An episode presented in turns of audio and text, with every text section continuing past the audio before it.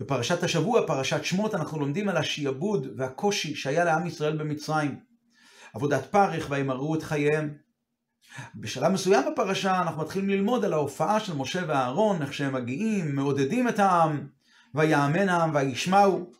ואז מתחילים ללמוד על המפגשים שיש בין משה ואהרון מול פרעה. ומשם ואילך הדברים מתחילים להסתדר עד היציאה הגדולה ממצרים, שפרעה מכריז ואומר, קומו צאו מתוך עמי. ובמפגש הראשון של משה ואהרון עם פרעה, רואים דבר מאוד מעניין. זה הולך ככה, יש דו-שיח יפה בין, בין פה משה ואהרון לפרעה. ואחר אומרת התורה, ואחר באו משה ואהרון ויאמרו אל פרעה, כה אמר השם אלוקי ישראל, שלח את עמי ויחוגו לי במדבר. אז פרעה אומר, לא ידעתי את השם. מי השם אשר אשמע בקולו? אני לא יודע, אני לא מכיר, לא אשלח את בני ישראל, את ישראל לא אשלח. אז הם אומרים לו בחזרה, אלוקי העברים נקרא עלינו, ועתה נעל חנה דרך שלושת ימים במדבר, ונזבחה להשם אלוקינו, פן יפגענו בדבר או בחרב, אנחנו מבקשים נסיעה של שלושה ימים. ואז פרעה עונה להם במילים האלה, ויאמר עלי המלך מצרים, כאן כבר התיאור של פרעה הוא כמלך מצרים, לא ויאמר פרעה, אלא ויאמר עלי המלך מצרים. למה משה ואהרון תפריעו את העם ממעשיו? לכו לסבלותיכם. לפי הפירוש הפשוט, איך שזה נשמע, פרעה אומר להם, משה ואהרון, למה אתם מפריעים לעם מהעבודת פרך שלו? לכו אל המעשים שלכם. אבל הביטוי המעניין כאן, לכו לסבלותיכם, זה אומר דרשני. מה זה לכו לסבלותיכם? למי זה נאמר?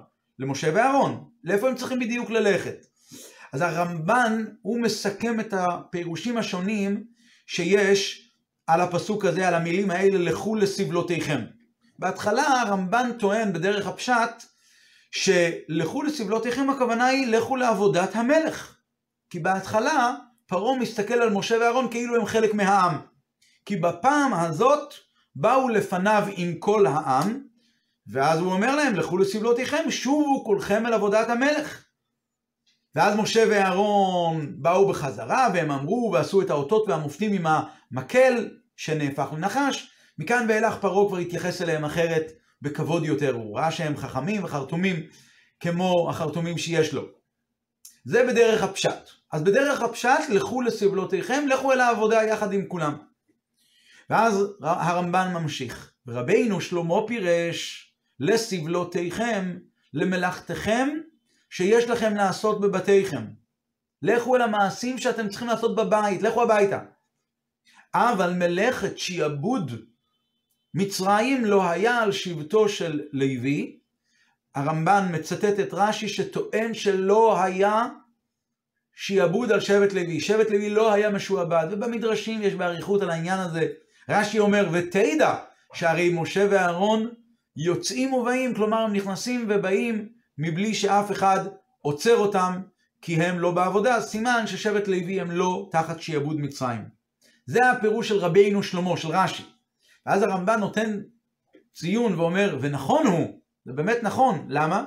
כי כל עבודת האדם בבית ובשדה ייקרא, כן? הרמב"ן טוען שיש איזה פסוק בנביא שמראה שהביטוי סבל, סבלותיכם, מבטא עבודה בבית. ולכן אומר הרמב"ן, באמת נכון מה שרש"י אומר, רש"י פירש, שלכו לסבלותיכם, הכוונה היא למעשים שלכם ולא לעבודת המלך. ואז הרמב"ן ממשיך, ומנהג בכל עם להיות להם חכמים מורי תורתם. ולכן הניח להם פרעה שבט לוי, שהיו חכמיהם וזקניהם. כלומר הרמב"ן טוען שזה הנוהג בכל העמים להשאיר בצד את החכמים ואת מורי התורה. והרמב"ן ממשיך ומביא ציטוט של כמה מדרשים, ששבטו של לוי היה פנוי לעבודת המלך, וזה מה שאמר להם פרעה, לכו לסבלותיכם. מה, רע לכם שאין לכם עבודה? לכו לסבלותיכם, לכו אל העבודה שלכם. מעניין שהאבן עזרא אומר קצת אחרת, הוא טוען שלכו לסבלותיכם, הכוונה היא לסבלות העם. אתם הרי מייצגים את עם ישראל, אז לכו אל, ה... אל הסבל שלכם. בכל אופן, מה, לפי הפרוש, הפרשנות של רש"י והרמב"ן אומר שזה נכון, מה אנחנו בעצם רואים כאן? מה הייתה טענתו של פרעה? טענה מאוד מאוד חזקה. טענה, פרעה אומר, משה ואהרון, לכו לשובו ללמוד תורה ולהיות מורי תורתם של ישראל. פרעה אומר, די בזה שאתם משוחררים מהשיעבוד מצרים ויכולים ללמוד תורה בעצמכם. מה אתם צריכים להתערב? למה תפריעו את העם ממעשיו? למה אתם צריכים להתערב בחיים האישיים של כל בן אדם? למה אתם צריכים לגרום להם שלא ינהגו לפי חוקי המדינה? לכו לסבלותיכם, תחזרו חזרה. זה שאתם מפעם לפעם לומדים איתם תורה, זה מספיק. וככה יוצא מהטענה של פרעה. האמת היא שגם החזקוני כותב ככה, רק בתורה היה עסקיהם, כל עסקיהם. כלומר, זה העבודה שיש לכם. אז לכן, לכו אל העבודה הזאת, ואל תבלבלו את העם בדברים מעבר לזה. עכשיו, בזוהר נאמר שחוכמת מצרים הייתה חוכמה גדולה יותר מכל האומות, מכל העולם. פרעה עצמו היה אדם חכם מאוד. זאת אומרת שהטענה של פרעה היא טענה שהיא מתקבלת על, על הדעת, על דעת בני אדם. הרי אנחנו יודעים שה, שהמצריים שמרו מאוד מאוד על הגבולות. אפילו עבד לא היה יכול לברוח ממצרים. גלות מצרים הייתה גלות שעל פי טבע אי אפשר להשתחרר ממנה. יתרה מזו, הדבר הזה גם בעצם אה, חלק מהכוונה האלוקית, הקדוש ברוך הוא בכבודו ובעצמו גזר, ועבדו ועינו אותם ארבע מאות שנה. אז למעשה פרעה בא ואומר למשה ולאהרון, למה אתם רוצים לשנות את הטבע, וגם את למה אתם מתערבים בדרכיו של בורא עולם? הרי בורא העולם גזר את העניין הזה, אז גמרנו, למה אתם מתערבים? לכו לסבלותיכם. ולפי הפרשנות הזאת של הרמב"ן, תמשיכו ללמוד שיעורי תורה, אבל תניחו לעם ישראל להתנהג לפי סדרי העולם. ועל זה משה ואהרון לא הקשיבו, למרות שזו טענה צודקת לכאורה, אבל זו טענתו של פרעה, וכשפרעה טוען את זה, אז משה ואהרון לא מקשיבים, ואילו הם כן היו מקשיבים, היה אוי ואבוי, הגאולה לא הייתה מגיעה, כי הרי הגאולה היה לה זמן מאוד מאוד מסוים שהייתה צריכה להיות. כמו שכתוב במדרשים, שברגע שהגאולה, זמן הגאולה הגיע, לא יקבע מה כתוב, אפילו כהרף עין, אפילו נדנוד אה, של העין, גם זה לא. הגיע הזמן, אז זה בדיוק היה. לו משה ואהרון היו דוחים את זה, היו מתחילים להקשיב לטענות של פרעה, אז הגאולה לא הייתה יכולה להגיע, להופיע. ומעניין, על פי שכל כן יש מקום לטענתו של פרעה, אבל בני ישראל הם מעל השכל. הם לא מוגבלים בהגבלות של, של השכל, של סדרי עולם בכלל, בני ישראל לא מוגבלים. וגם הנהגתו של הקדוש ברוך הוא והגזירה שלו, של ועבדו ועינו אותם 400 שנה, בסופו של דבר, הגאולה הייתה הרבה זמן לפני כן, דילג על הקץ וחישב את הגאולה באופן אחר, שהגאולה הייתה אחרי 210 שנה. אנחנו יודעים שכל דבר ודבר בתורה הוא הוראה, הוא מסר לכל יהודי, והתורה היא הרי נצחית. אז למעשה יש את טענת פרעה, ויש את משה ואהרון שלא מקשיבים לפרעה. ויש כאן מסר שיהודי לא יקשיב לטענתה, לטענותיו של פרעה וכל הפרעוניות שיש במשך הדורות. יכול לבוא ליהודי ולומר, אני את נפשי הצלתי, אני לומד תורה, אני מדי פעם לומד תורה גם עם אנשים אחרים, אז מה אכפת לי מה קורה עם היהודי השני, אם היהודי הניח תפילין או לא, איך הוא מתנהג, אם הוא מקיים מצוות או שהאם הכוחות שלו הם מנותבים כלפי בורא עולם או כלפי עבודת פרך, פרעה מלך מצרים. ההשקפה של פרעה מלך מצרים שאומר לכו לסבלותיכם, זוהי ההשקפה הזו, שאומר לכו לסבלותיכם, די בזה שאתם לומדים תורה, אל תתנהג, אל, מה אכפת לכם מה מתנהג יהודי אחר? אבל זה לא הדרך של יהודי, זה דרך של פרעה. ולכן משה ואהרון לא קיבלו את הטענה של פרעה. כמו להבדיל, אם חלילה חלילה בוערת אש בבית של יהודי, אף אחד לא יבוא ויאמר, אני לא רוצה להתערב במיש... בבית של מישהו אחר, אני לא רוצה להתערב בדרכי הקדוש ברוך הוא שהחליט שפה עכשיו תהיה דליקה. חלילה וחס. בן אדם לא יעשה שום חשבונות והוא מיד ייגש ויעשה את כל הפעולות שהוא רק יכול כדי להציל את, את הזולת.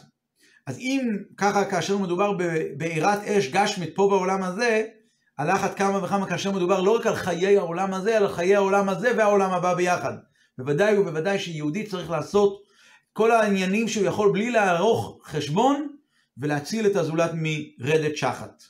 הרבי מלובביץ' הקודם, הרבי הרייץ, הוא אמר פעם את המילים האלה. הוא אמר, בשם הבעל שם טוב הקדוש, הוא אמר, החובה של אהבת ישראל לא חלה רק על יהודי שמכירים אותו, אלא היא צריכה להיות אהבה גם כלפי יהודי שנמצא אי שם בקצווי תבל. והאהבה הזו היא לא צריכה להיות אהבה ואהבת סתם, אלא ואהבת כמוך. כמו שהבן אדם אוהב את עצמו, אז האהבה שלו לעצמו היא אהבה ללא גבולות, ככה צריכה להיות גם אהבה ליהודי האחר. והרבי סיפר, הרבי מלובביץ' הקודם סיפר פעם, שהמגיד ממזריץ' התבטא ואמר שאילו הוא מאחל לעצמו שהלוואי והיה יכול לנשק את הספר תורה באותה חיבה ואהבה שהיה לבעל שם טוב לכל יהודי ויהודי. ובמקביל אמר המגיד ממזריץ' שאילו הבעל שם טוב היה יודע פה בהיותו פה בעולם הזה עד כמה הוא פועל ובונה על ידי שהוא מקרב כל יהודי ויהודי אז היה עושה את זה בו אם הוא היה יודע את זה כמו שהוא יודע את זה עכשיו כשהוא נמצא בגן עדן אז הוא היה עושה את זה באופן אחר לגמרי. ככה אמר המגיד ממזריץ'. זאת אומרת שהרעיון הזה של ואהבת לרעך כמוך צריך להתבטא, שכמו שלגבי הבן אדם עצמו הוא רוצה ללכת אל סבלותיו, אל האוהלים של תורה ומצוות, ככה הוא צריך גם להביא לידי אה, גילוי אצל היהודי השני, שגם השני, השני יגיע לסבלותיכם האמיתי של אוהלי התורה ואוהלי המצוות, שגם אצל הזולת יהיה את העניין הזה, ואהבת לרעך כמוך, כמו שזה אצלך, ככה זה גם יהיה אצלו. והנקודה הזו היא נקודה כל כך חשובה, ואם הקדוש ברוך הוא רוצה שאנחנו נעשה את זה, והוא מצווה עלינו ואהבת לרעך כמוך, אזי הוא נותן לנו גם את הכוח לעשות את זה, כי הרי יש כלל, אין הקדוש ברוך הוא בא בטרוניה עם בריאותיו. אם הקדוש ברוך הוא דורש משהו, משהו מסוים, בוודאי הוא נותן את כל הכוחות הדרושים כדי לבצע את זה עד הסוף. לכן צריכים לדעת שהעניין הזה צריך להתבצע ואסור לדחות את זה, לא לשבוע נוסף, לא אפילו ליום נוסף, כמו בגאולה של מצרים שהיה צריך להיות בדיוק בזמן ושלא יהיה אפילו כהרף עין. אותו דבר גם כאן, ייתכן שההרף עין הזה יכול להכריע, ייתכן שהפעולה הזאת יכולה להכריע את כל העולם לכף זכות או לחילופין הפוך, ולכן יהודי צריך לעשות את כל מה שהוא רק יכול כדי להציל את היהודי האחר. אז זה בעצם המסר וההוראה שאנחנו לומדים מהפסוקים האלה, מה, מהעובדה שהתורה מספרת לנו מהי ההשקפה של פרעה, לכו לסבלותיכם. וזה המסר בעיקר לאלה שנמצאים באוהלה של תורה, שזה כולל תלמידי הישיבות, ובכלל כל היהודים שיש להם אה, קשר והם חיים בקרן אורה, כאשר רואים שהמצב הרוחני של יהודי האחר הוא לא מה שהוא, לא זוהר דיו, הוא לא מאיר אה, כל כך, אזי צריכים לעשות את כל מה שאנחנו יכולים, ואסור להשלות את עצמנו ולומר, נו, אני את נפשי הצלתי. אה, אני לומד תורה לעצמי זה מספיק. במיוחד שעם ישראל, זה, זה, ההתייחסות לעם ישראל צריכה להיות כמו אורגניזם אחד גדול, כמו קומה אחת שלמה. אז כאשר אה, קומה אחת פגומה, אז אה, כאשר חלק מסוים בקומה פגומה, הכל יכול להיפגם חלילה. זאת אומרת, צריך לגרום שהשלימות של כל יהודי ויהודי בתורה ובמצוות ישפיע על כל כלל עם ישראל, כי הוא קומה אחת, הוא אורגניזם אחד. כמו שנאמר לגבי אה, פרשת אתם ניצבים, שם כתוב אתם ניצבים לפני השם אלוקיכם, ראשיכם שבטיכם, וזקניכם, מביאים שם את הרשימה, עד חוטא ועציך ושואב ממך, וכולם ניצבים לפני השם אלוקיכם. זה כמו להבדיל כאשר המלך מגיע למסדר, אז המפקדים מסדרים את כל החיילים שיעמדו במסדר ישר, ואם אחד החיילים, הכפתור של הבגד לא יהיה מספיק בוהק, אז מי שיבוא, והמלך עכשיו עובר, וזה למעשה פוגם את כל הברק והיופי של המסדר הזה. אז אם המלך יכעס על מי תהיה הטרוניה, הטרוניה תהיה לא על אותו חייל, אלא בעיקר תהיה על אותו מפקד, למה הוא לא לימד את החיילים שלו להתכונן למסדר כמו שצריך, איך עומדים כראוי מול מלך. אותו דבר גם במובן הרוחני, אתם ניצבים היום כולכם לפני השם אלוקיכם. עם ישראל הוא אורגניזם, הוא קומה אחת שלמה, אז אם יש איזושהי הבעיה, אז הדרישה והתביעה לא תהיה כלפי החוטא ויצאך ושואב ממך, אלא הדרישה תהיה כלפי אותם ראשיכם, שבטיכם, שלמה לא עשיתם את כל מה שאתם רק יכולים כדי להציל את היהודי. אם נתנהג באמת, כאשר באמת נתנהג בהתייחסות כזאת, כאילו עם ישראל הוא קומה אחת שלמה, וכל עם ישראל הם ביחד, מראשיכם, שבטיכם, עד חוטא ויצאך ושואב ממך, אז באמת זה יגרום שיעשו כולם אגודה אחת, ואז נזכה שלהמשך, ויעשו כולם אגודה אחת לעשות רצונך בלבב שלם, כאשר יהיה רצונך, יעשו את רצונו של הקדוש ברוך הוא בלבב שלם, זה יביא למצב של הגאולה, שאז יהיה השם אחד ושמו אחד. שבת שלום ובשורות טובות.